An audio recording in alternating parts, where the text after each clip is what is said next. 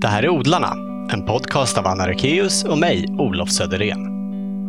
Odlarna ges ut i samarbete med Odlingstv. Och innan vi börjar vill vi tacka våra sponsorer som möjliggör den här podden.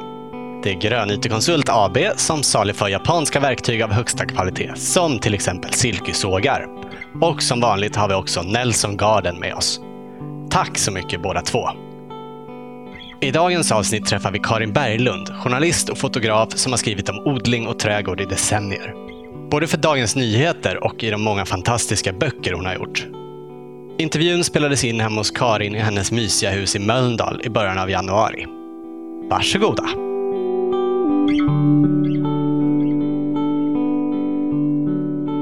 Du har en björktrast va? Alltså jag har inte hängt ut fågelmat. Jag skulle gjort det i morse men jag glömde det. Ja, Ja, men jag men gör, den det. är där och letar. jag gör det sen. Nu är det ju mitt i vintern så vi har inte riktigt haft möjlighet att se din trädgård i sin fulla prakt. Och lyssnarna har ju inte sett den alls. Så vill du börja med att beskriva din trädgård? Ja, jag tycker den är ganska fin faktiskt. Jag bor ju i ett gammalt hus. Det är faktiskt från mitten av 1800-talet. Och eh, trädgården, eller tomten, är ju lika gammal kan man säga. Ja, det är ett Eh, fantastiskt hus. Ja, det är ett fantastiskt Det är hus. Jag älskar att bo i mitt hus. Verkligen alltså. Det är mitt lilla bo. Men här såg ju inte ut som det gör nu då.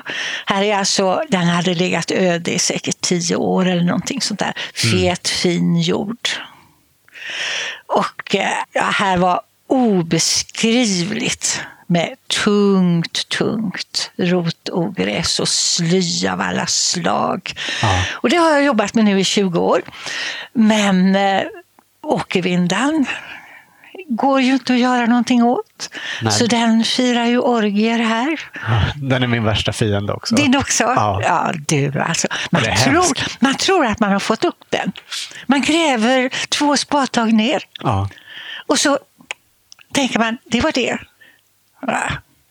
Den kommer upp. Den Den kommer, kommer tillbaka. upp, den kommer ja. upp. Men alltså jag har ju läst att man, den är ju fin, va? men den kan ju inte vara i en trädgård, det går inte. Men i Lappland har jag sett bilder där de spaljerar åkervindan. Ja. Och då tänker man, är de inte kloka?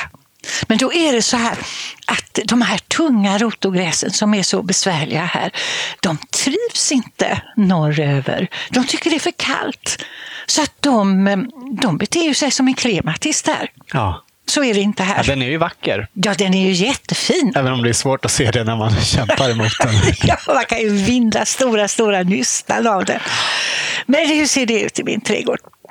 Alltså jag vill ju ha, jag vill ha min trädgård som en privat värld. Va? Det ska vara min värld. Och här ska jag bestämma hur det ser ut. Och det ska ingen annan ha några synpunkter på. Så jag försöker eh, sy in mig, höll jag på att säga. Gränsa in mig med höga häckar och höga staket och höga träd. För att jag ska kunna vara osynlig i trädgården. Och hur ser det ut? Den sluttar. Den sluttar längs med huset ganska brant. Så jag har terrasserat. Och högst upp på den där sluttningen är en hög häck utav eh, avenbok, tät. Så att både grannen och jag kan få vara i fred. Mm. Och så det finaste, absolut jättefinaste som jag har är mitt päronträd. Är det det som står just Ja, utanför här? Det, du ser, det är högre än huset. Och det är ett gråpäronträd och det får liksom päron på sig högt, högt upp som man aldrig når. Va? Och när de ramlar ner så krossas de. Så det är inte päronen utan det är för att det är så fantastiskt att ha ett sånt stort, mäktigt träd i den här lilla trädgården. Hur stor är trädgården?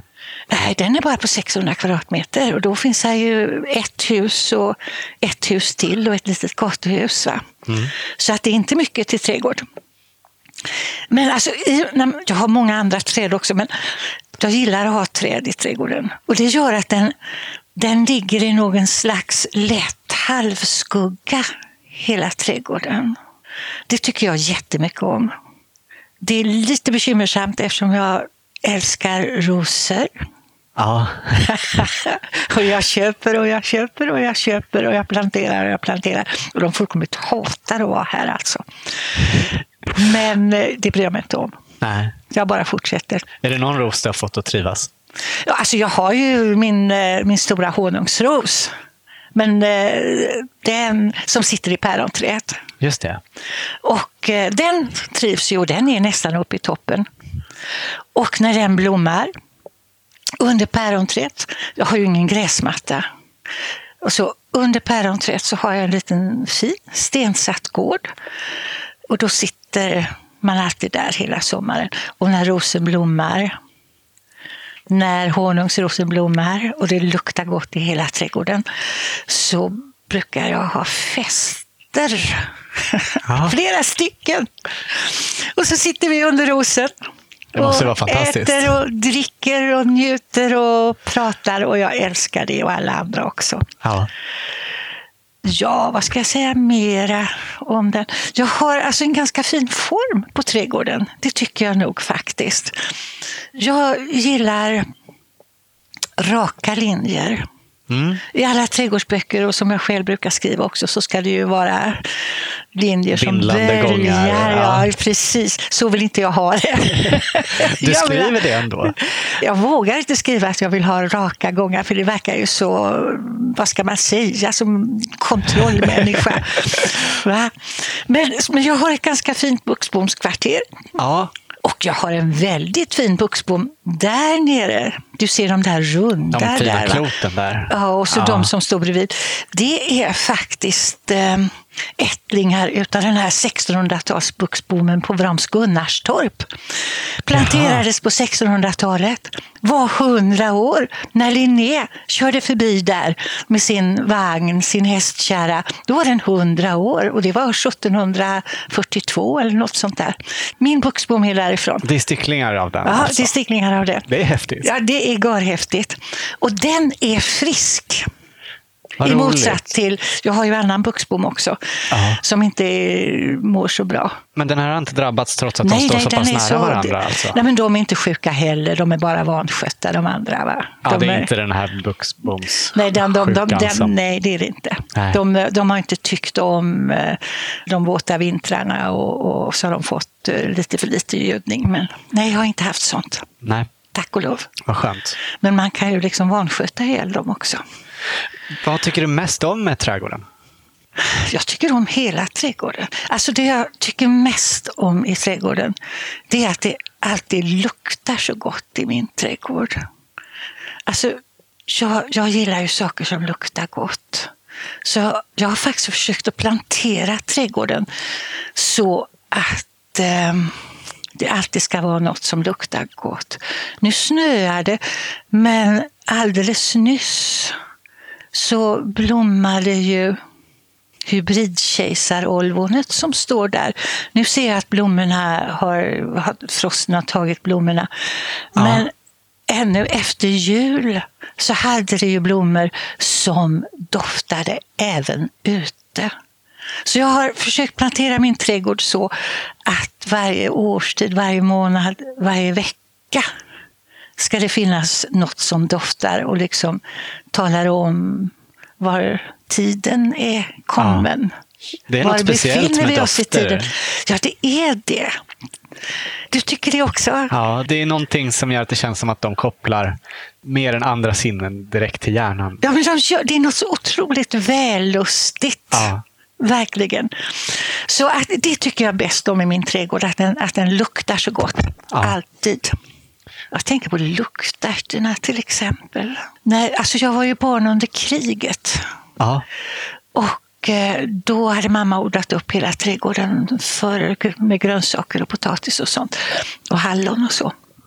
Men så fanns det alltid också en, eh, en rad med luktärtor.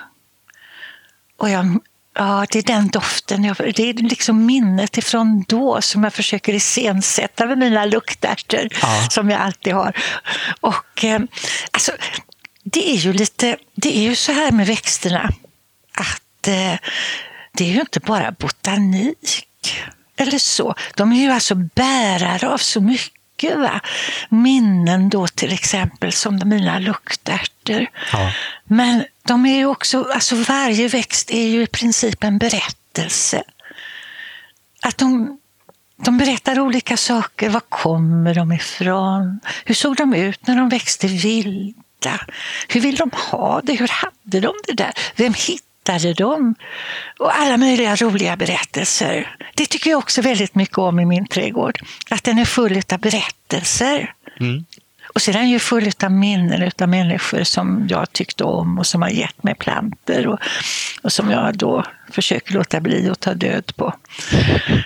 Det, Ja. det är en, alltså en trädgård, i alla fall om man tycker att det är kul med en trädgård, så, så innehåller den ju hela tiden så mycket mer än det man ser med ögat. Precis som du sa att dofterna är bärare va? och liksom så här. Fåglarna som kommer och katten som hoppar i bland buxbommen så här. Ja, det är mycket med en trädgård. Ja. Hur kom det sig att du hamnade just här? Ja, det var så här. Alltså, jag har ju jobbat på Dagens Nyheter alltid och det betyder ju att jag har bott i Stockholm ganska mycket. Ganska, Väldigt många år faktiskt. Men jag är född och uppväxt i Göteborg. Och eh, mannen som jag mycket länge var gift med, eh, han var från Mölndal. Och eh, när vi flyttade tillbaka till Göteborg så gick vi väldigt mycket här i Kvarnbyn. För det här var så fint. va? Mm. Det är ett jättemysigt område. Ja, det, det, alltså det är så jättefint. Bara pyttesmå hus och liksom träkåkar och syrener och, och sånt där. Och så just precis det här huset hade jag varit och tittat på. Hade vi tittat på jättemycket. Jag tyckte det var så fint. Det var så förfallet. Det, men så när, precis när jag behövde en bostad, för jag hade skilt mig, så var det här huset till salu. Och då köpte jag det, fast det nästan inte stod upp. För det var alltså ett ruckel. Men eh, jag köpte det i alla fall. och det berodde på, alltså det är inte klokt. Det berodde på att, att här fanns syrener som var högre än huset och de blommade. Och jag älskade det. Och jag Ja. tänkte det här vill jag ha, syrenerna vill jag ha, det vill jag. Så så var det. Så det var trädgården kan man säga. Ja, det var syrenerna. det var syrenerna. Men sen har det här är ju fint. Jag har ju liksom, det här är ju reparerat och fint nu. Ja, det är jättemysigt. Ja. Så att därför hamnade jag precis här och det tyckte jag faktiskt var... Ja, jag tycker det är så bra. Jag älskar att bo här. Jag tycker det här är så fint och här är litet och här är intimt och gatorna är smala och alla husen är små. Och även om det är jättedyrt nu så var det inte då när jag köpte det. Och här kommer aldrig att komma några sådana där jätterika människor och bygga om allting för det här är K-märkt. Ja, vad bra. Ja. Men det sa ju att du har jobbat många år på DN. Men du skrev inte alls om trädgård från början vad jag har förstått. Nej, det gjorde jag inte. Jag kom ju in på DN som ekonomireporter. Och eh, alltså jag var ju inte någon stjärna på det precis. Men det var väldigt roligt att jobba på DNs ekonomiredaktion. Ja. Därför att den var så livlig och de var så på och liksom så här. Och jag lärde mig ju jättemycket. Och ehm, jag tyckte att det var särskilt, det var ju så roligt att jobba på Dagens Nyheter på den tiden därför att allt var ju möjligt. Allt vad man ville göra kunde man få lov att göra. Va? Och jag tyckte då att det var särskilt roligt att, att, att skriva om handeln med baslivsmedel, den internationella handeln med baslivsmedel. Och det, När är vi i tidsmässigt ungefär nu? Då är vi på 70-talet. Ja. Det var ju länge sedan. ja. Ja, men jag, jag började på DN 72. ja. Och jag kommer inte ihåg när jag slutade, men kanske slutade jag 2000 eller 99 eller någonting sånt där. Vad var det med det här med handeln med baslivsmedel som var så spännande? Jo, men det, alltså det handlar ju då om, om vete och majs och ris och sånt där som liksom är livsviktigt för oss alla egentligen. Och ehm, det var ju inte någon vacker handel precis och är väl inte fortfarande. Alltså Nej. de som dominerade den handeln var ju en handfull mycket stora internationella privatägda kemikoncerner som alltså behärskade hela kedjan från jorden till fröet, till vattnet, till skörden, till ända fram till den färdiga maträtten på våra bord. Va? Mm. Och eh, det var ju inte några ideella organisationer precis. Nej. Och det De får ju väldigt stor makt med det. Mycket stor makt, alltså, som politiskt vapen. Och jag vill inte ha deras mat. Jag ville verkligen inte ha deras mat. Så det var egentligen skälet till att jag började odla. Ja. jag ville göra min mat själv. Ja. Ville jag. Och eh, människor tror inte att man behöver kunna någonting för att odla morötter till exempel. Men eh, det måste man ju faktiskt. Man måste ju liksom försöka tänka sig in i vad det är att vara morot. Va? Ja. Och eh, ge den det det behöver. Så att i början så gick det ju inget vidare då. då. Men så småningom så, så lärde jag mig. Och eh, det blev riktigt bra. Och då hade jag bestämt att eh, här ska det odlas naturenligt, som det hette på den tiden. Det vill säga utan eh, multinationell kemi och sånt där. Va? Ja. Ekologiskt. Och ekologiskt heter det nu för tiden. Det var ingen självklarhet på den tiden? Nej, alltså jag började skriva om det i Dagens Nyheter. Man fick ju göra som man ville. Och eh, det var ju snudd på löjligt. va? det var snudd på löjligt. Men eh, jag har hållit fast vid det. Ja. Eh, och eh, jag tycker det är så jätteroligt nu när med den här starka vågen av eh, lust att odla ekologiskt i stan och överallt. Va? Det är ju... Ja, det är ju en självklarhet för många som odlar själva nu. Ja, det är ju det. Alltså någonting annat är ju löjligt. Även om det kanske fortfarande är en relativt liten del av marknaden som är Den växer ekologisk. ju väldigt ja, fort. Ju det. Alltså. Det, det växer ju. Jag menar, det växer ju med en väldig fart alltså. Och jag tycker detta är jätteroligt. Och eh, jag tror att det har framtiden för sig. Och, just det här att odla i städerna, det gjorde man ju under kriget, men det här är ju någonting annat. Och det finns ju sådana som tror att eh, man inom en inte så väldigt avlägsen framtid kommer att se hela mindre jordbruk med djur och allting i städerna. Va? Och eh, det skulle ju vara väldigt roligt. Mm, det är Faktiskt. spännande. Jag är verkligen jätteglad åt det. Men det var det här med eh, de stora företagen som fick ja, dig ja. att vilja odla ekologiskt från början? Ja, det var det. Vi hörde på ditt sommarprogram från 2002. Där berättade du om Moody Mums. Ja, ja men det var ju så. Alltså det fanns ju, det här var ju på 70-talet och eh, det var ju liksom den stora folkvandringen eh, ut i landet. Va? Ja, gröna vågen. Gröna vågen. Och eh, det var ju många fler än jag som inte ville ha den här äh, oljebolagens mat. Och då fanns det alltså två damer i Gävle som gav ut någonting som hette Moody Mums. En kokbok, eller en handbok om hur man skulle undvika de här koncernernas mat. Mm. Nu kommer jag inte ihåg riktigt vad det betydde, men jag tror att det betydde mat utan di. Ja, jag kommer inte ihåg. Men det var alla, det, grejen var att det här var mat utan de multinationella koncernernas inblandning. Ja. Och odling utan deras inblandning. Och de var ju jätteroliga. Jag vet inte om jag har kvar den. Men det var ju inte så mycket man kunde välja då. Va? Därför att allting var ju i princip eh, en enda stor härva.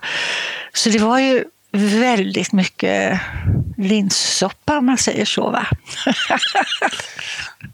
Men det är ju väldigt gott. Ja, det är gott. Det är, det är faktiskt väldigt gott. Alltså. Man kan ju variera. Nej, det var alltså inte bara linssoppa. Jag bara fånar mig.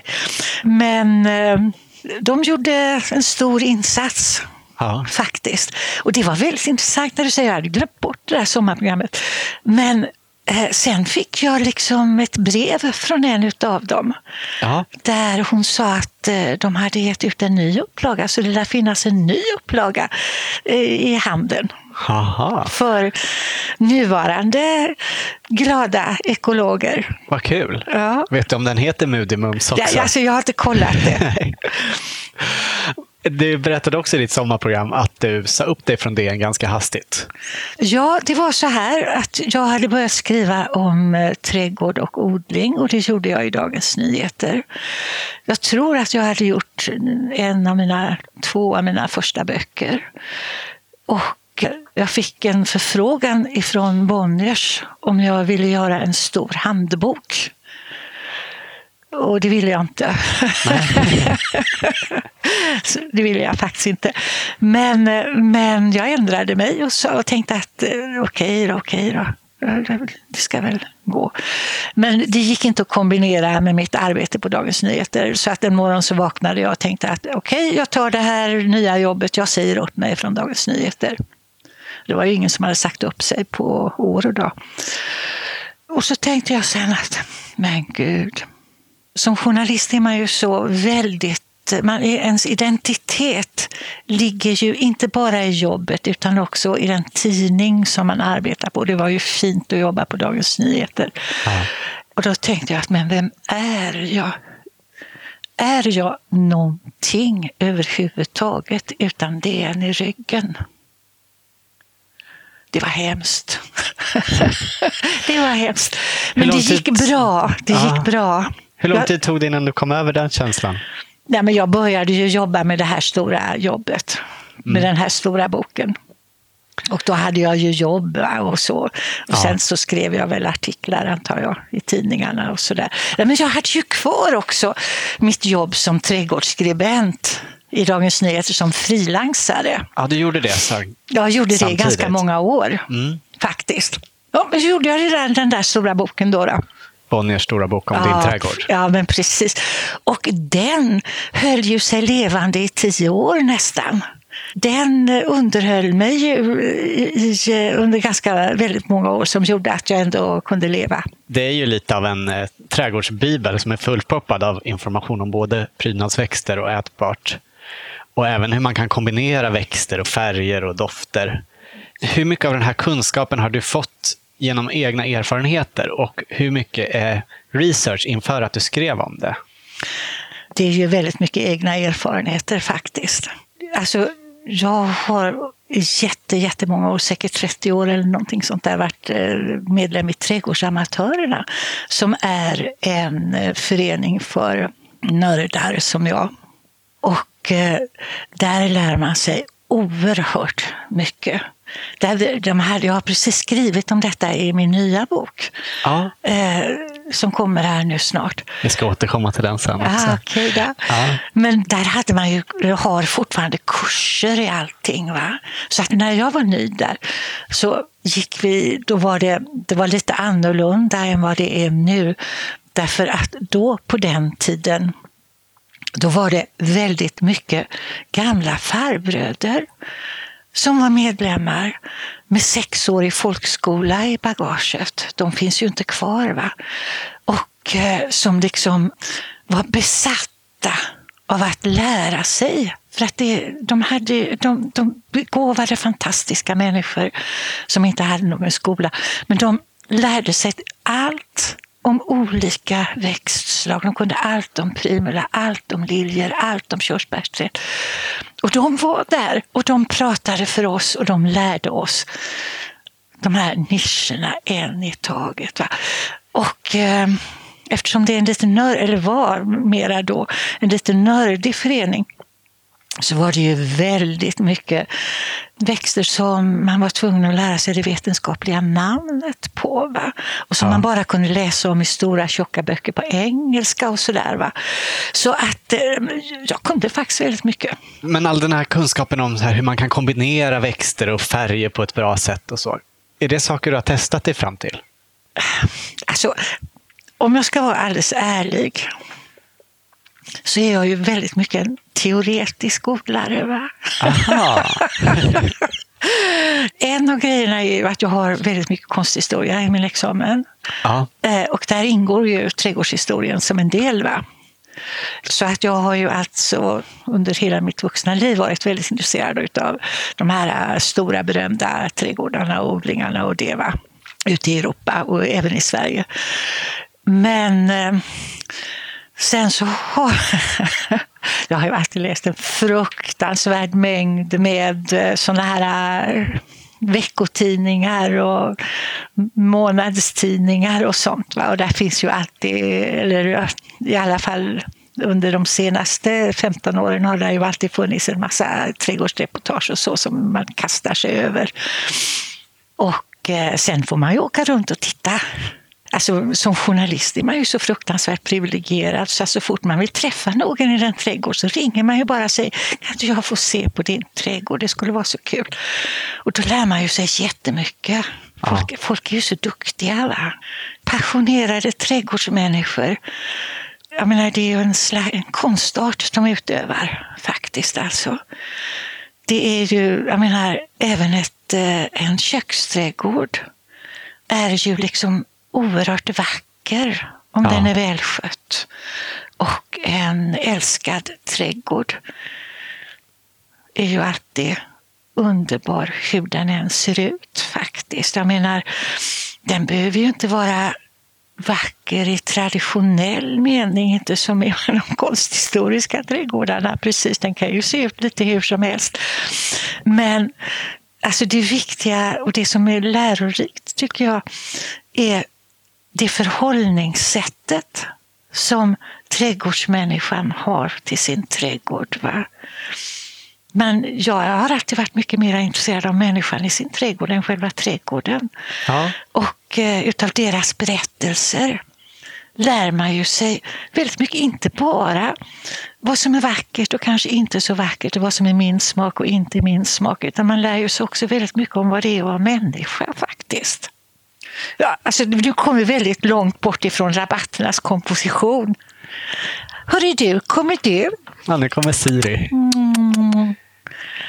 Vackra, vackra. Ska du gå och hälsa? du är så fin. Hon är så söt. Ja, jättefin. Just nu är det mesta vitt utanför fönstret, men finns det någon särskild färgskala i din trädgård? Ja, det gör det. Här är ju skuggigt. Eller här är, hela trädgården ligger ju i halvskugga. Den, den, den är grön. Det är mycket olika. Den är blek. Jag tycker om bleka färger. Och det är ju den sortens växter som trivs i den här inte särskilt ljusa trädgården. Och eh, ja, den är grön och så är det, tycker jag, väldigt mycket om blekgult månskensgult. Det tycker jag är den vackraste trädgårdsfärgen. Så det har jag ganska mycket. Ja. Har du exempel på några sådana växter? Ja, det finns ju alla möjliga. Rosorna kan ju vara blekgula. Min Aisha där till exempel är ju blekgul. Mm. Det finns ju blekgula liljor. Jag har en som heter citron som är blekgul. Det finns ju kungsljus som är blekgula. Det finns ju primler som är blekgula. alla, alla möjliga ja. finns ju. Men av alla de här vackra trädgårdarna som du har sett genom ditt arbete, är det någon särskild eller några särskilda trädgårdar och människor som du har inspirerats av när du har skapat din egen? Alltså, nu tycker jag ju faktiskt att min trädgård, även om jag älskar den, så är den ju inte någon sån där trädgård som är människors ögon fantastisk. Va? Tror du inte det? Nej. Alltså jag får ju ibland folk som liksom hoppar in i trädgården utan att eh, jag har bjudit in dem. Och de kan ju liksom säga vad som helst. Alltså, ska jag hjälpa dig att rensa? Och sånt där kan de ju säga. Eh, eh, ja. ja. Men alltså, jag vet ju vilka trädgårdar jag tycker är vackra. Och så i min nya bok så har jag skrivit om jag nämner en massa trädgårdar som jag tycker om. Eh, och så har jag skrivit om fyra trädgårdar som jag som alltså på ett intellektuellt plan har inspirerat mig, mer än på ett praktiskt plan. Och eh, en utav dem som jag tycker allra, allra bäst om är Derek Jarmans trädgård i England. Derek Jarman var alltså en filmare Han är död nu, han dog i aids. Han ehm, som gjorde jättekonstiga filmer. Som eh, blev väldigt hyllade i smala kretsar. Men mot slutet av sitt liv så gjorde han också en trädgård på ett ställe som är det mest osannolika stället att göra en trädgård på. I Dungeness, södra England. På stranden, en stenig strand med hela havet utanför. Ett kärnkraftverk till vänster. En tågstation från en fabrik som gick tvärs över stranden så här. I utkanten av ett flygplats och inte långt ifrån tunneln till Frankrike. Där, eh, i denna steniga, steniga stranden, i ett litet svartmålat hus, så gjorde han en trädgård. Det började alltså med att han såg strandkålen som växte på stranden. I saltet och i vinden. Och så började han lägga stenar, vackra stenar som han hittade på stranden runt om dem som ett skydd. Så här var runda ringar runt strandkålen. Och så började han plantera vallmo och harris och allt möjligt som skulle kunna uthärda klimatet med vinden och saltet och kärnkraftverket och tåget och alltihopa. Ja. Så gick han där. Och det var så intressant därför att hans trädgård, han var ju sjuk, kom till som på trots. Va? Den blev alltså en livlina och ett sätt att överleva. Och eh, alltså varje växt som han liksom stor möda lyckades peta ner bland stenarna där så fiskade han också upp minnen från sitt förflutna, från sin barndom och sådär. Och så skrev han om detta i en bok som heter Derek Jarmans trädgård. Och också en dagbok eh, som heter Modern Nature. Och eh, jag tycker att alla de här fyra trädgårdarna som hon nämner berättar om vad man kan ha en trädgård till. om man är så skapt. Va? Mm. Och för honom var det ett sätt att överleva. Och jag blev så himla rörd av detta. Och jag åkte ner och tittade på den. Alltså jag var i London, jag kommer inte ihåg vilket år detta kan ha varit. Men det var länge sedan. Jag var på Chelsea Flower Show för att skriva om den. Och så låg hans bok där i fönstren på de stora bokhandlarna. Själv hade han precis dött. Och eh, jag hyrde en bil och körde ner. Och jag är inte någon bra vänsterkörare precis, så det var verkligen som en nedstigning får jag säga. Och så kom han fram till det här stället som då liksom han hade ju gått bort. Ah.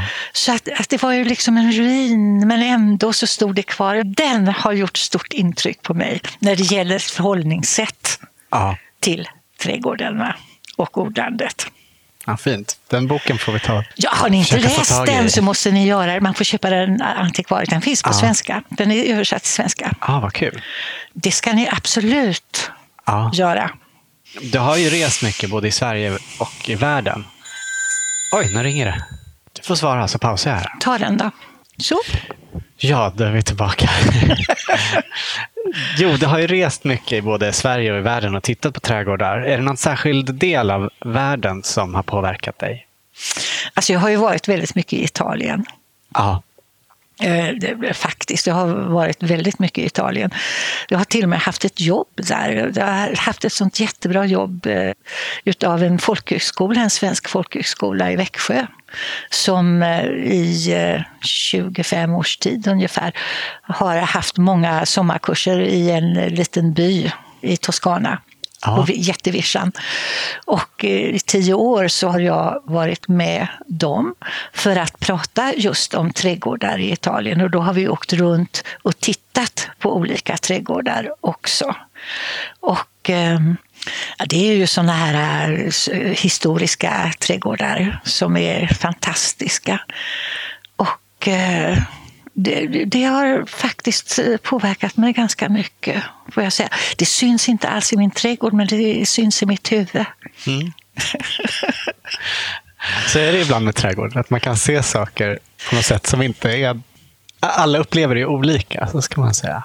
Ja, alltså jag är, hör ju till de som hävdar att, att man inte behöver någon trädgård egentligen, utan det går jättebra med den som man har i sina dagdrömmar och sin fantasi och där man liksom aldrig några åkervinder eller några bladlöss eller några liljebaggar eller någonting sånt där. Där allt bara alltid är vackert och doftande och underbart. Mm.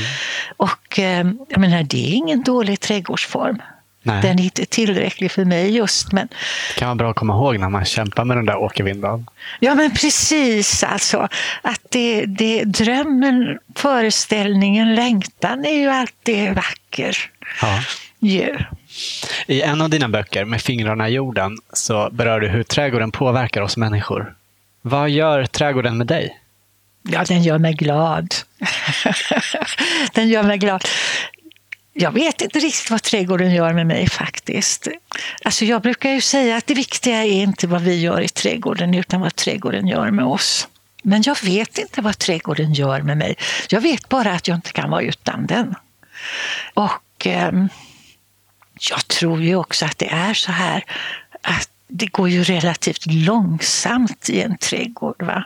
Man går där och petar och och man tänker ganska bra faktiskt. Man, jag tror att jag blir ganska kreativ när jag håller på där med mina åkervinder faktiskt. Just genom att det är långsamt i jämförelse med det mesta annat som man företar sig. Sen så är det ju också någonting med det här nu är jag ju visserligen fotograf, så jag gör ju ändå en massa sånt. Men det är ju också ett sätt att eh, få utlopp för sin kreativitet. Va? Ja. Man kan, det alltså Sven-Ingvar Andersson som var en sån där trädgårdsguru, han är död nu. Han sa så himla bra. Han sa så här att eh, nu när allting som man gör mäts och betygsätts och utsätts då för omdömen va?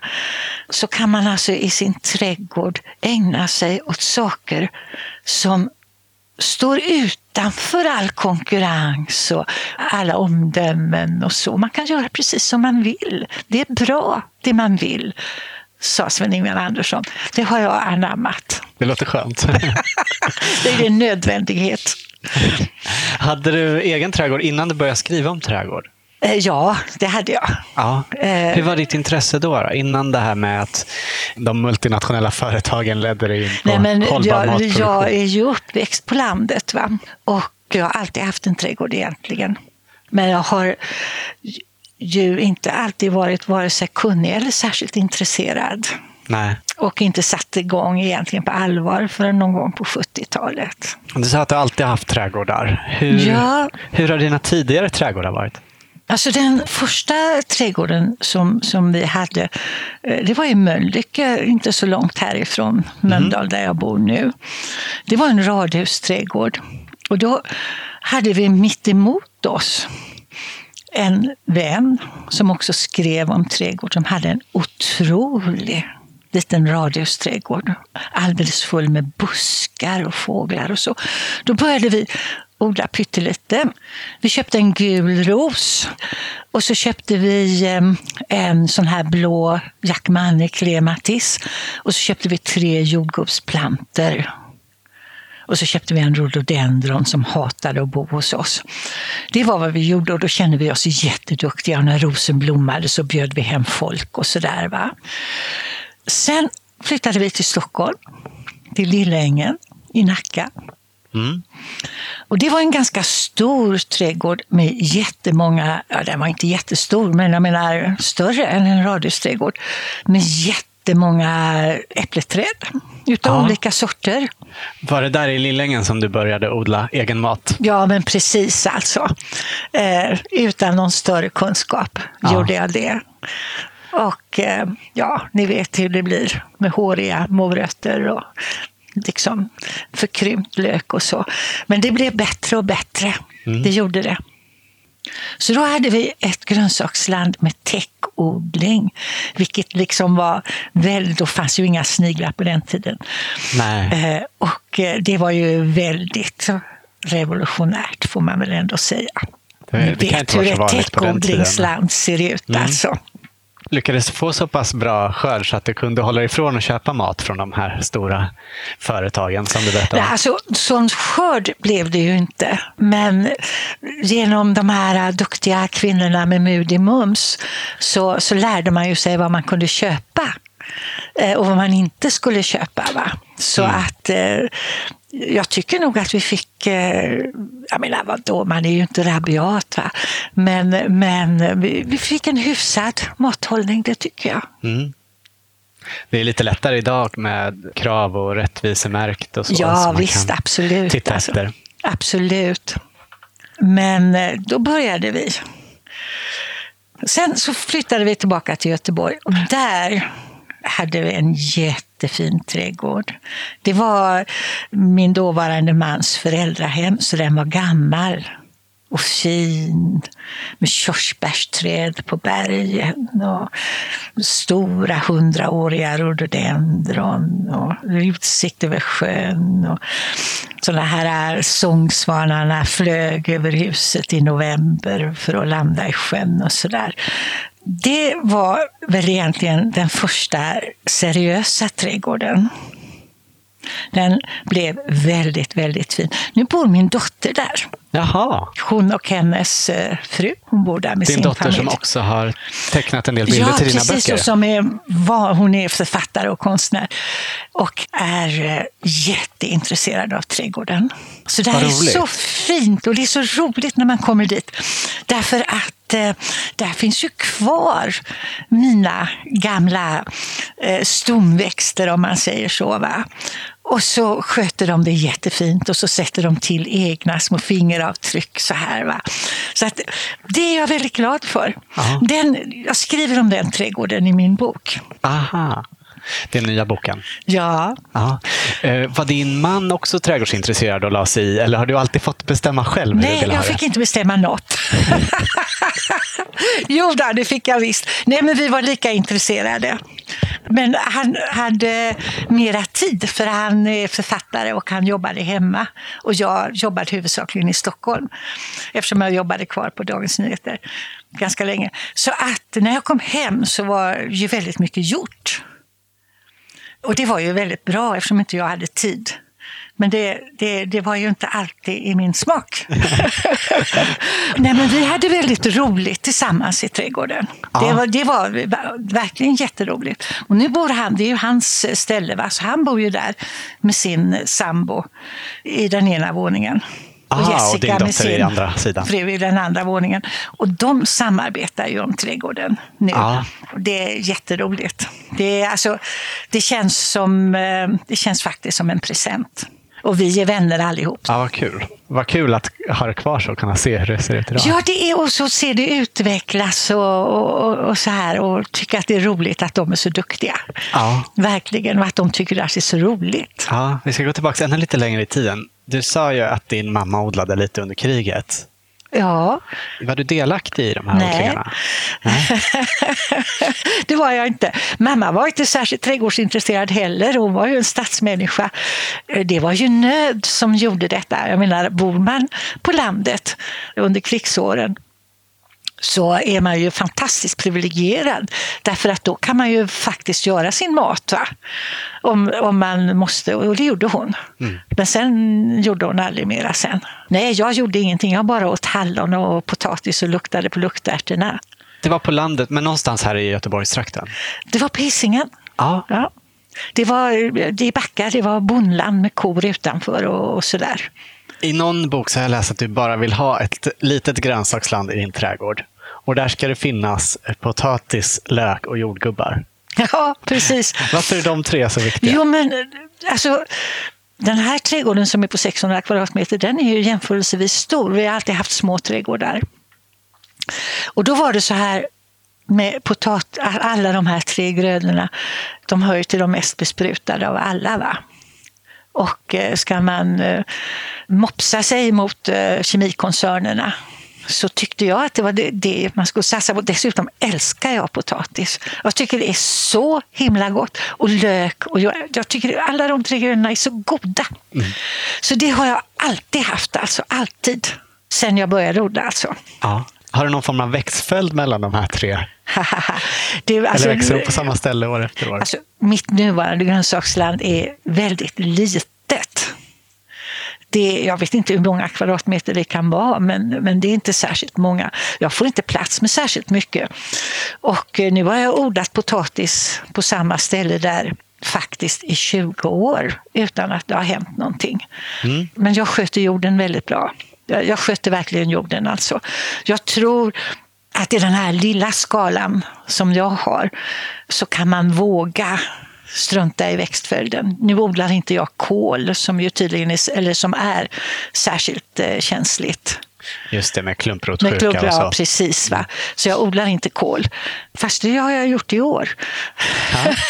ja, nu, alltså, nu, I år har jag ju faktiskt odlat både grönkål och svartkål. Men det har ju inte hunnit bli någon klumprotsjuka där ännu. Men, nej. nej. Nej, men jag gör inte det. Men jag vet ju hur man ska göra. Men jag gör inte så. De senaste åren så har jag odlat enorma mängder med vitlök. Ja. Verkligen många. Ja. Säkert hundra eh, i min pyttelilla trädgård. Så då blev det ju inte så mycket över, om man säger så. Och nu har jag satt nya vitlökar i år. Och eh, jag tycker det är otroligt roligt. Det är, alltså, det är riktigt upphetsande alltså att se hur de blir jättestora, jättefina. Jag köper utsäde av Åke Truedsson. Ja. Jag är med i hans vitlöksklubb. Vitlöksklubb. är det någon särskild sort? Ja, men det är flera sorter. Ja. Ryska, han har ju så många underbara ryska sorter som blir röda och rosa och sådär. Och så här, jag köper inte de hans franska sorter, jag köper hans ryska sorter. Och eh, flera sorter. Det är jätteroligt. Snyggt också. Är du självförsörjande på vitlök? Minst sagt. minst sagt. Och där har jag ingen växtföljd heller. Nu har jag bara odlat det i tre år. Va? Ja. Men vi får se hur det går nu. Jag hoppas inte får in något sånt här virus. Nej, eller jag så. hoppas verkligen det. Har ni odlat vitlök? Ja, men vi har varit ganska noga med att byta plats på dem. Ni har bytt plats? Ja. ja, jag ska göra det nästa år. Finns det några andra saker som du absolut inte vill vara utan i din trädgård? Jag vill inte vara utan snödroppar. Jag vill ha jättemycket snödroppar, det har jag. Och så vill jag ha jättemycket pioner, det har jag. Och så vill jag ha rosor då, då, men det går ju inte så bra. Vad är det med just snödroppar och pioner som gör att du vill ha dem? Det, alltså det underbara med snödroppar och pioner är att de är varandras raka motsatser. Och eh, jag tror att man kan ha mer än en smak. Va? Att det, alltså, snödropparna som, som liksom är de är ju liksom på trots va, på något sätt. Alltså, de kommer ju faktiskt redan innan tjälen har gått. Mm. Och så ser de så fruktansvärt ömtåliga ut. Och så är de så jättestarka. Och så luktar de så gott. Det, det, jag tycker att snödroppar är liksom verkligen en symbol för eh, vad ska man säga? Det kommer att gå bra. Ja. det kommer att gå bra. Jag brukar också känna så när jag ser de första där. Nu Tycker är det över. Nu, nu, nu är vintern Det kommer över. att bli nu bra. och sen så, det här med pionerna, det är ju liksom eh, Ja men herregud, de är ju liksom också på trots av allt va? faktiskt. Hur kan man stå där och se så skamlöst överdådigt fantastiskt vacker ut här hos mig? så, så är det. Ja. Vi brukar alltid fråga om det känns stressigt eller motigt med trädgård någon gång. Och du berättade ju tidigare att folk ibland stannar till och frågar om de ska hjälpa dig med saker och sådär. och även i förordet till din blombok så berättar de två damer som pekade på din trädgård och sa att det såg skräpigt ut och inte alls som i böckerna. Och när vi bokade den här intervjun så ursäktade du också att du inte hade hunnit höststäda i trädgården. Nej, men det har jag inte. Nej. Jag har ju Leder trädgården ofta till dåligt samvete? Nej, det gör den inte. Eh, det tycker jag inte att den gör faktiskt. Alltså, jag, jag har ju en föreställning om hur jag skulle vilja att det här var. Mm. Jag vill ju att det ska vara ett sånt här doftande underbart eh, fantastiskt ställe. Va? Det är ju ett fantastiskt ställe. Ja, jo, men det är ju det.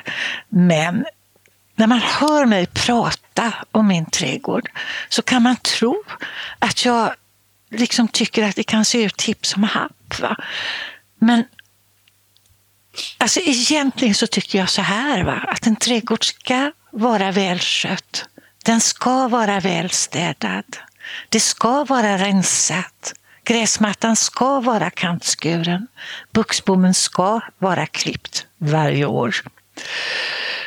Så är det inte hos mig.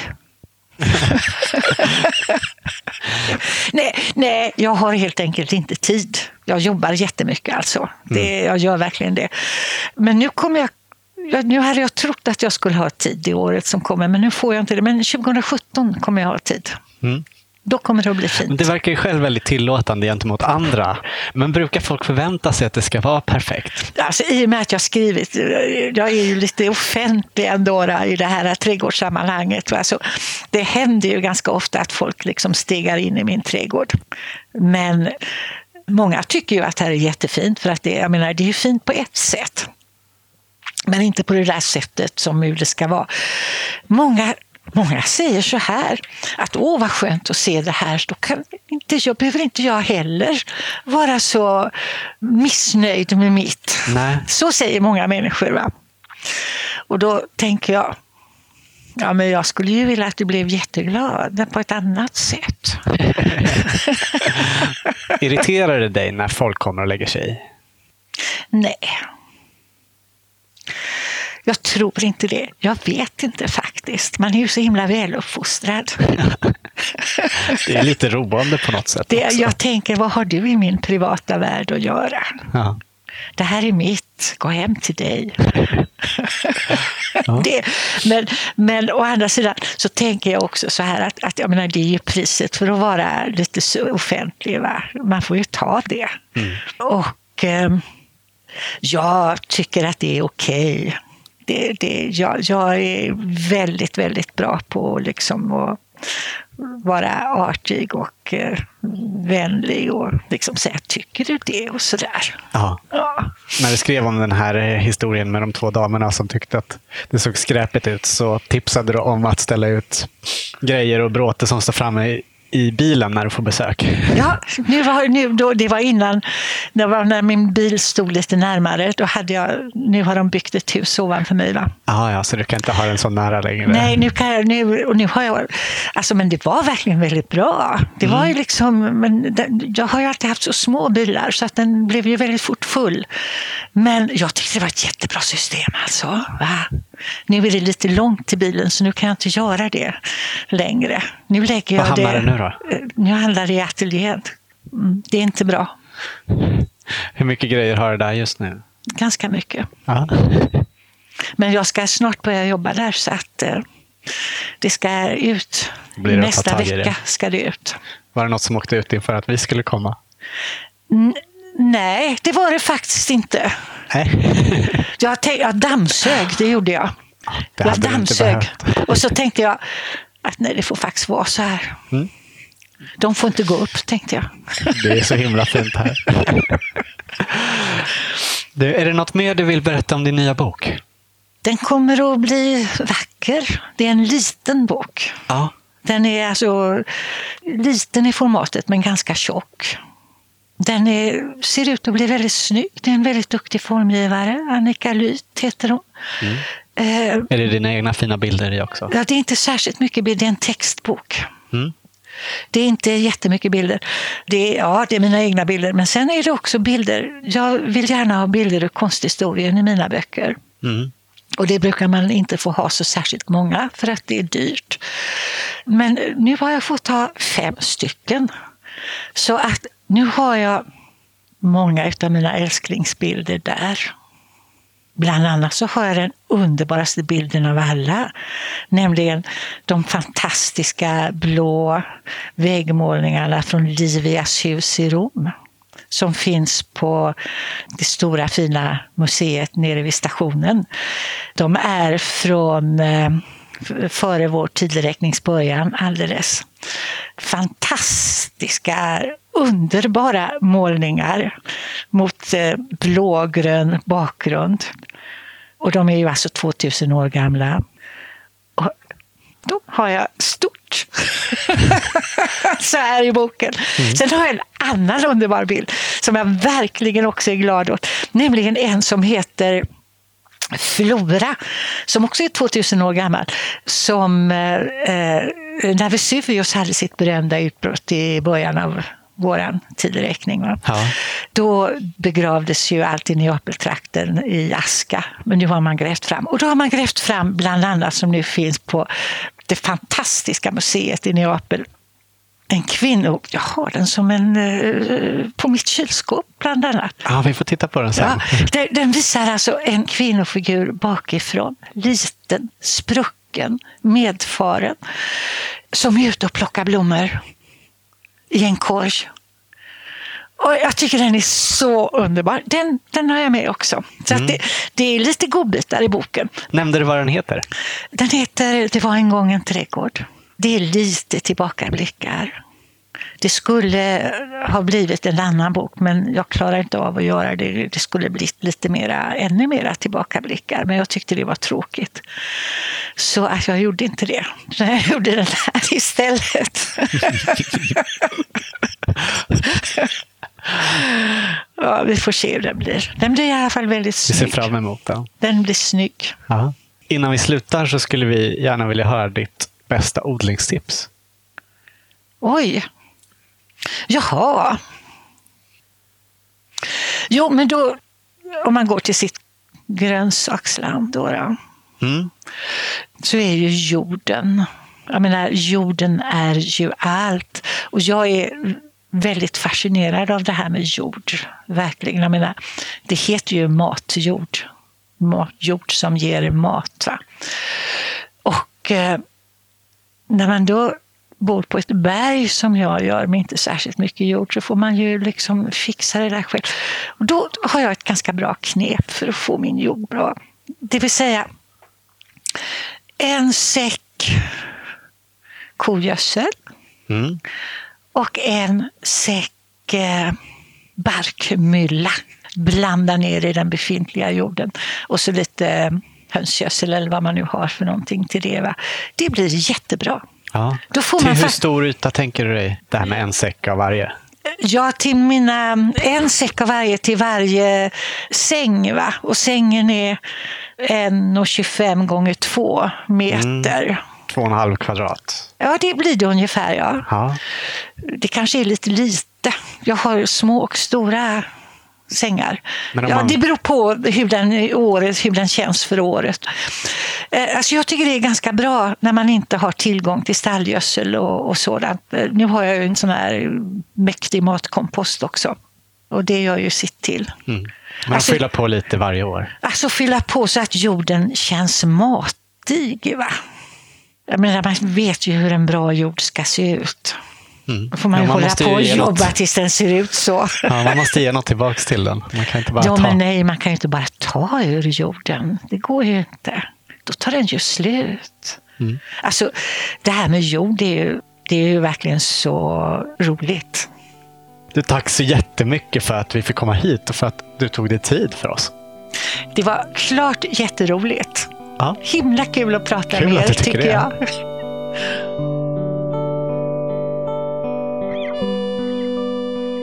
Du har just hört Karin Berglund i Odlarna. Har du inte redan upptäckt hennes böcker så har du mycket att se fram emot. Nya boken som kommer inom kort heter Det var en gång en trädgård. Och sommarpratet med Karin som jag hänvisar till i intervjun finns att höra på Sveriges Radios webb.